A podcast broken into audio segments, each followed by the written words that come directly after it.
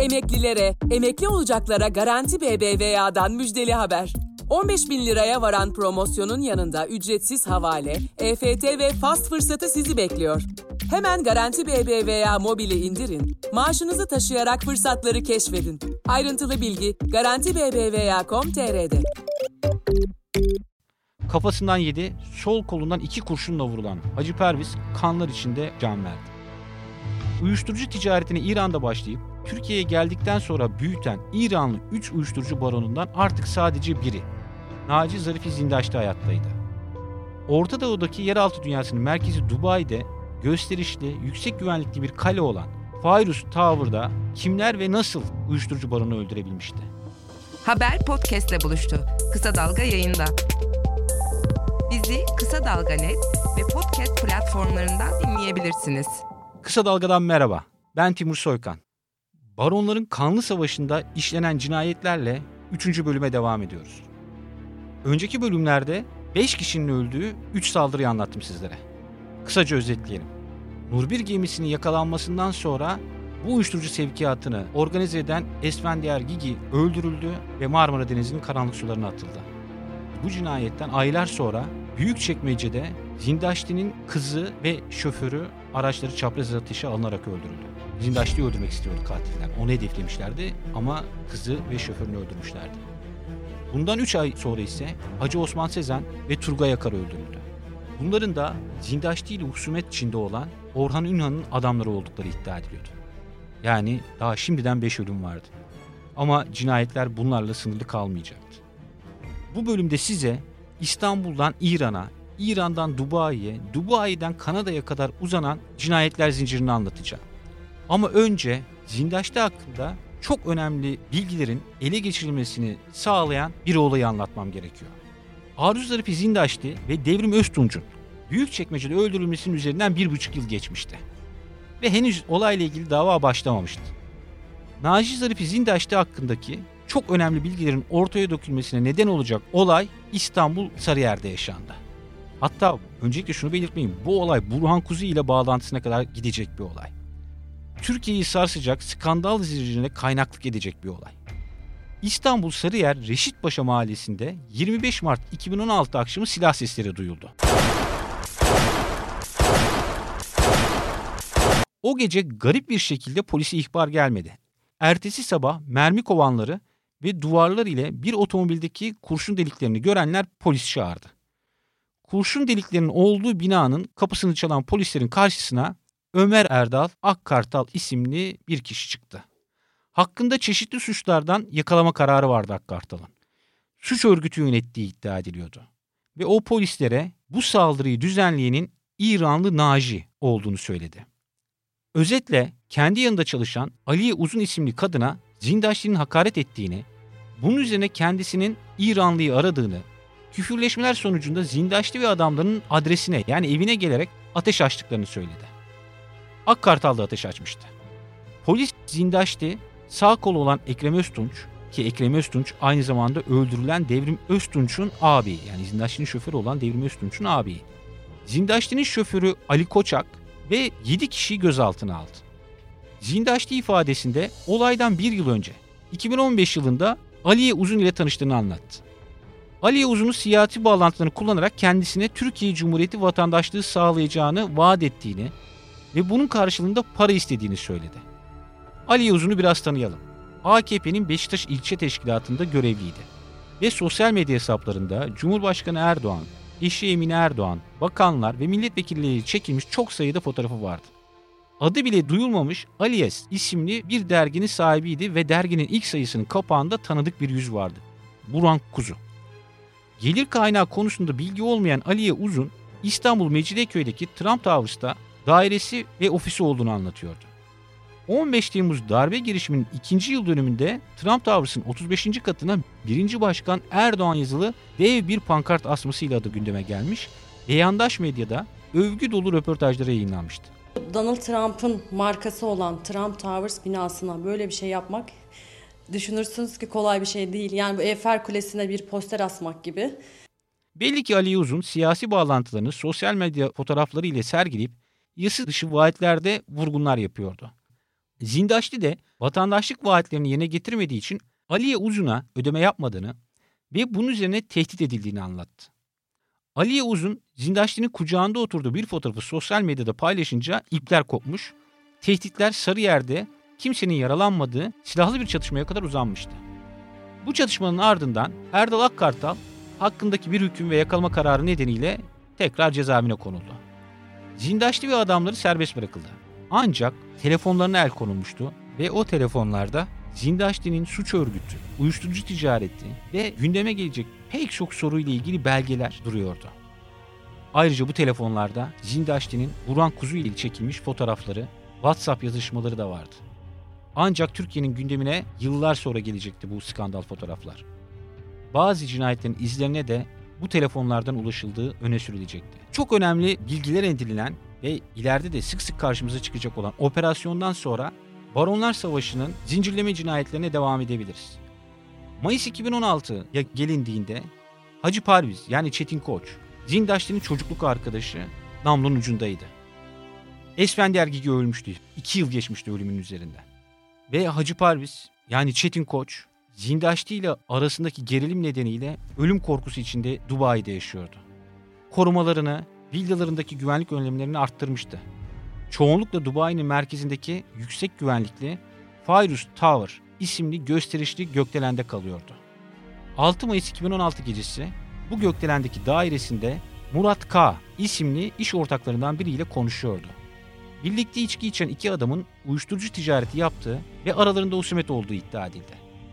Murat Kağan'ın daireden ayrılmasından kısa süre sonra Hacı Parviz'de çıktı ve asansörle yüksek güvenlikli Gökdel'in otoparkına indi. Saat gece 2 idi.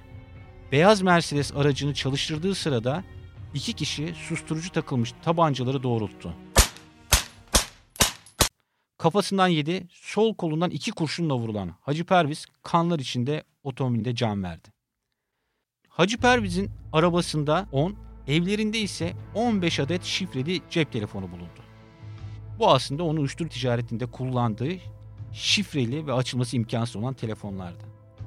Uyuşturucu ticaretine İran'da başlayıp Türkiye'ye geldikten sonra büyüten İranlı 3 uyuşturucu baronundan artık sadece biri, Naci Zarifi Zindaş'ta hayattaydı. Orta Doğu'daki yeraltı dünyasının merkezi Dubai'de gösterişli, yüksek güvenlikli bir kale olan Fairuz Tower'da kimler ve nasıl uyuşturucu baronu öldürebilmişti? Her yanı güvenlik kameralarıyla dolu ve sadece kişiye özel kartlarla girilebilen binada katillerin kimliğine ulaşmak tabii ki çok kolay oldu. Ancak nasıl olduğunu bilemediğimiz bir şekilde saatler boşa geçti ve profesyonel katiller kimlikleri belirlendiğinde çoktan Dubai'yi terk etmişti. Dubai polisi tetikçilerin ikisi de Kanada vatandaşı olan 26 yaşındaki Harpreet Mashu ve 23 yaşındaki Garcia Arevalo olduğunu açıkladı. Bir de onların suç ortağı vardı. Türkiye vatandaşı Bora B. İkisi de Latin Amerika kökenli Kanada vatandaşı olan tetikçiler cinayeti işledikten sonra 150 kilometre uzaktaki Abu Dhabi havalimanına gitmiş ve saat 7'de İngiltere uçağına binmişler. İngiltere'den de Kanada'ya dönmüşlerdi.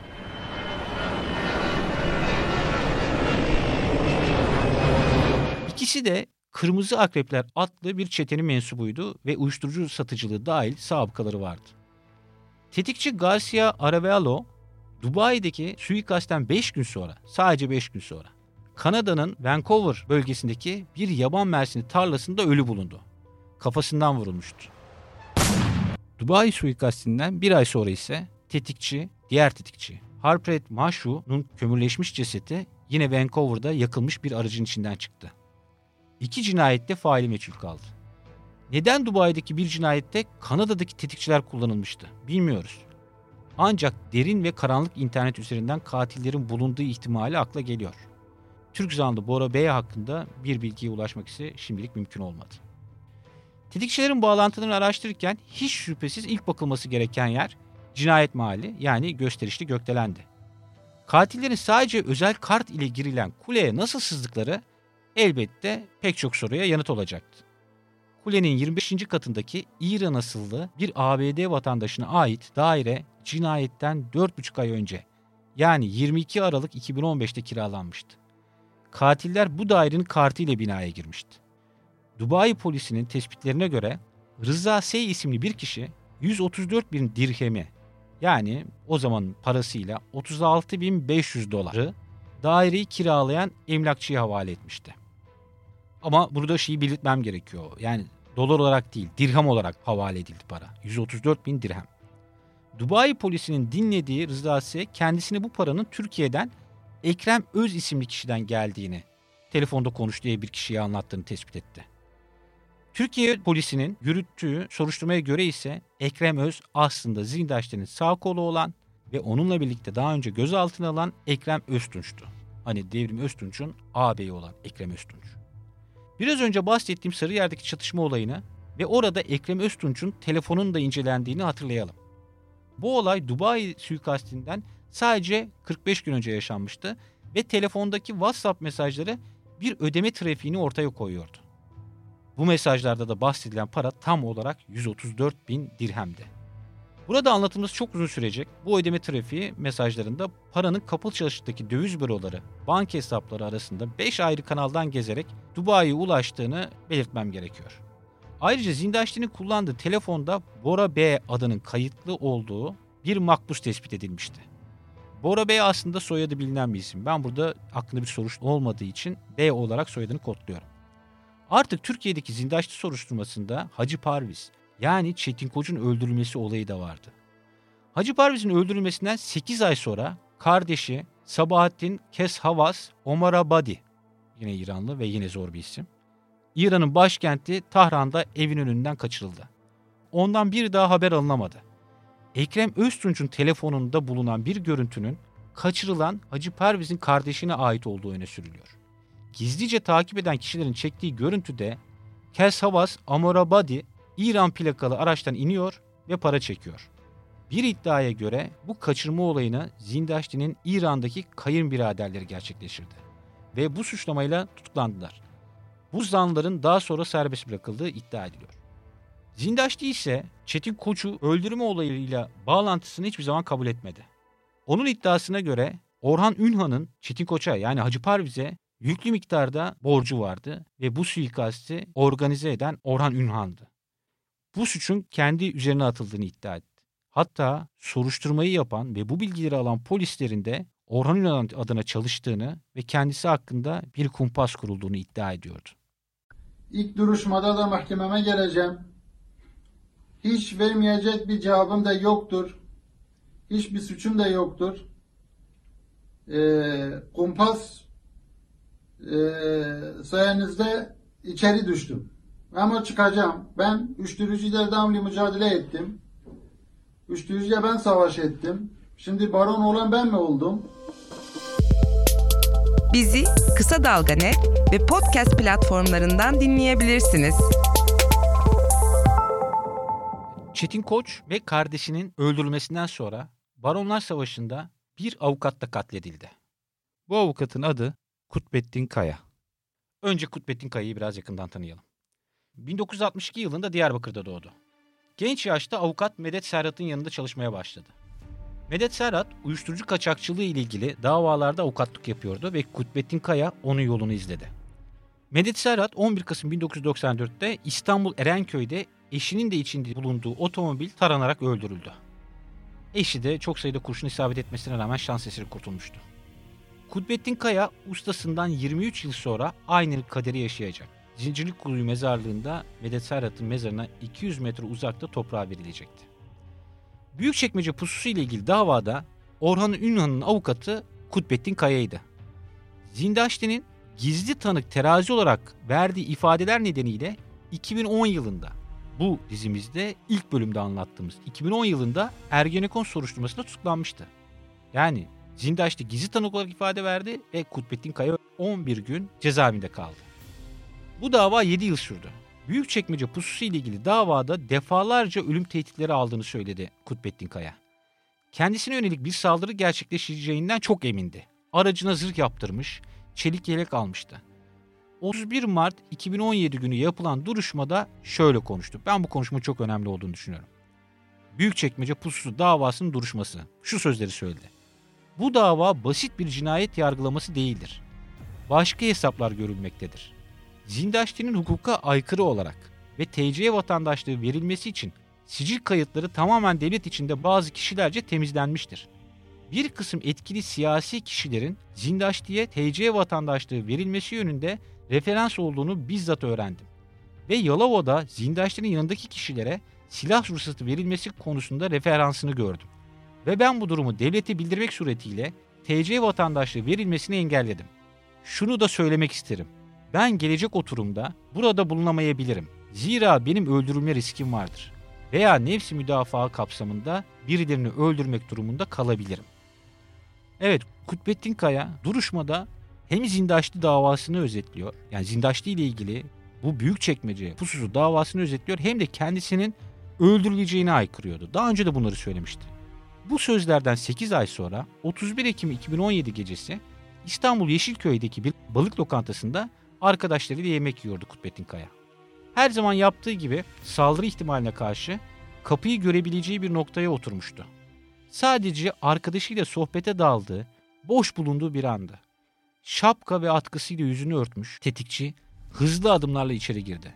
Kalabalık masaların arasında 10 adım attıktan sonra silahını çıkarttı ve defalarca tetiği çekti. Katil polik yaşanan lokantada avukatının yanındaki iki arkadaşına da birer kez ateş etti ve kaçtı. Sağ kulak arkasından üç kez vurulan Kutbettin Kaya oturduğu sandalyede başı öne düşmüş can vermişti. Masadaki iki arkadaşı ise yerde yaralı yatıyordu. Avukat Kudrettin Kaya dün Bakırköy'de bir balıkçıda arkadaşlarıyla yemek yerken içeri giren saldırganın silahından çıkan kurşunlarla hayatını kaybetti. Polis balıkçıdaki suikastin şifrelerini çözmeye çalışıyor. Katil lokantanın yakınında bekleyen ve içinde sürücü bulunan Opel marka bir araca bindi. Bu araçtan atılan ve cinayette kullanılan Glock marka tabanca caddede bulundu. Ayrıca bir ara sokakta otomobil durmuş, katil ve yanındaki kişi bir bahçeye girip kıyafetlerini değiştirmişti. Olay anında kullandıkları kıyafetleri burada bırakmışlardı. Bütün bu izlere karşın tetikçi ve yanındaki kişinin kimliği tespit edilemedi. Sadece DNA analizlerinden aracı kullanan kişinin kadın olduğu tahmin ediliyordu. Olayda kullanılan Opel marka otomobil günler sonra Yeşilköy'deki bir ara sokakta park halinde bulundu. Aracın torpido gözünde sahte bir sigorta polisesiyle trafik tescil belgesi vardı. Bu belgeler ayrıca suikastin ne kadar ustaca yapıldığını gösteriyor. Çünkü Opel marka araç ikiz plakalıydı yani sahte plakalıydı. Bunu şöyle anlatabilirim. Yani aynı model, aynı renk bir araca ait gerçek plaka başka bir aracı yine aynı renkte, aynı modelde ve aynı marka araca takılıyor ve o araçmış gibi görünüyor. Bu aracın yani ikiz plakalı aracın trafik çevirmesinde yakalanması ihtimaline karşı bu bahsettiğim sigorta polisesi ve trafik tescil belgesi hazırlanmıştı ve onlar da sahteydiler. Yani katiller yolda bir trafik kontrolünde durdurulur ve bütün plan bozulur. Buna karşı alınmış bir önlemdi. Bundan sonra anlatacaklarım küçük delillerden nedenli büyük sonuçlara soruşturmalarda ulaşılabileceğinin çok çarpıcı bir örneği. Çünkü sahte iki belgede 3 kişinin parmak izi vardı. Bodrum'da gece kulüpleri işleten İbrahim Kadir Aslan'ın şoförüne aitti bir parmak izi. Gözaltına alınan bu şoför ifadesinde patronu ile birlikte İstanbul Anadolu yakasındaki Madop Hastanesi'nde Aslan Özden isimli Bursalı bir kişiyle buluştuklarını anlattı. Uyuşturucudan sabıkalı olan ve hakkında yakalama kararı olan Arslan Özden yıllardır saklanıyordu. Çok az dışarı çıkıyordu. Ama o buluşmada hiç aklına gelmeyecek bir hata yaptı. Konuğunun şoföründen İbrahim Kadir Aslan'ın şoföründen lüks BMW'sine gidip tesbihini getirmesini istedi. Çünkü kendi koruması ve şoförü olan kişi silahlıydı. Onun silahla görünmesini istemiyordu. Bu şoför yani İbrahim Kadir Aslan'ın Bodrum'da gece kulüpleri olan İbrahim Kadir Aslan'ın şoförü araçta tespihi ararken torpido gözüne baktı ve oradaki sahte sigorta polisine dokundu. Ve aylar sonra bu olay nedeniyle gözaltına alındı. Bütün bu buluşmayı anlatınca İbrahim Kadir Aslan ve Aslan Özden de bu davanın yani Kutbettin Kaya'nın öldürülmesi olayının zanlılığına dönüşmüştü. Belki de bu olayla ilgili bu küçük parmak izinin götürdüğü en önemli delil hem İbrahim Kadir Aslan hem de Aslan Özden Zindaşti'yi tanıyorlardı. Hatta Aslan Özden Zindaşti'nin eski dostuydu. Bolu'da yakalanan uyuşturucu ile ilgili davada avukatlarından biri Zindaşti'nin de avukatı olan İlker Dağlı'ydı. Sahte belgelerdeki diğer bir parmak izi ise otogaleride masanın üzerinde zarfı merak edip kağıdı orta parmağıyla çeken bir kişiye ait. Galerinin sahibi her yere elini sokma diyerek kızınca kağıdı bırakmıştı ancak izi kalmıştı artık çok geçti. Buradan sahte belge üreten bir şebekeye ulaşıldı. Başka bir parmak izi ise, trafik tescil belgesindeki parmak izi ise Emre Ateş'e ait. O da otogalericilik yapan, otosigortası işi yapan bir isimdi. Ancak onun parmak izi doğrudan Zindaşti'ye gidiyordu. Çünkü Zindaşti'yi tanıyordu ve İran'da Zindaşti'nin adamları, akrabaları ile birlikte çekilmiş fotoğrafı vardı. Özetle bütün izler Zindaşti'ye uzanmıştı bile. Ayrıca şunu belirtmek gerekiyor. Bodrum'da gece kulüpleri sahibi olan İbrahim Kadir Aslan'ın Bilal Kayış isimli yeğeni ve çalışanı cinayetten 5 gün önce Beyoğlu'nda 2 Glock marka tabanca yakalatmıştı. Bu da onlar üzerindeki şüpheyi arttırmaya yetiyordu. Kutbettin Kayı cinayetiyle ilgili 10 kişi tutuklandı. Yıllardır hakkında arama kararı olan Aslan Özden de cezaevine konulmuştu. Açılan davanın bir numaralı sanığı ise cinayette azmettirmek suçlamasıyla zindaştıydı. Cinayete yardım ile suçlanan diğer sanıkların tamamı ilk duruşmada tahliye edildi. İddianamede ve davada katil ile yanındaki kişinin kimliğinin tespit edilemediği anlatılıyordu. Ancak iki yıl sonra çok karanlık bir cinayetin tetikçisi yakalandığında Kutbettin Kaya'nın da katili olduğu ortaya çıkacaktı. O katil ve hakkındaki çarpıcı gerçekleri ilerleyen bölümlerde anlatacağım. Şimdilik hoşçakalın.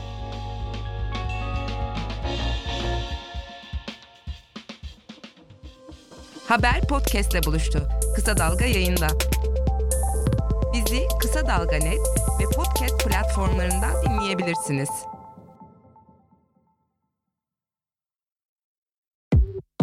Emeklilere, emekli olacaklara Garanti BBVA'dan müjdeli haber. 15 bin liraya varan promosyonun yanında ücretsiz havale, EFT ve fast fırsatı sizi bekliyor.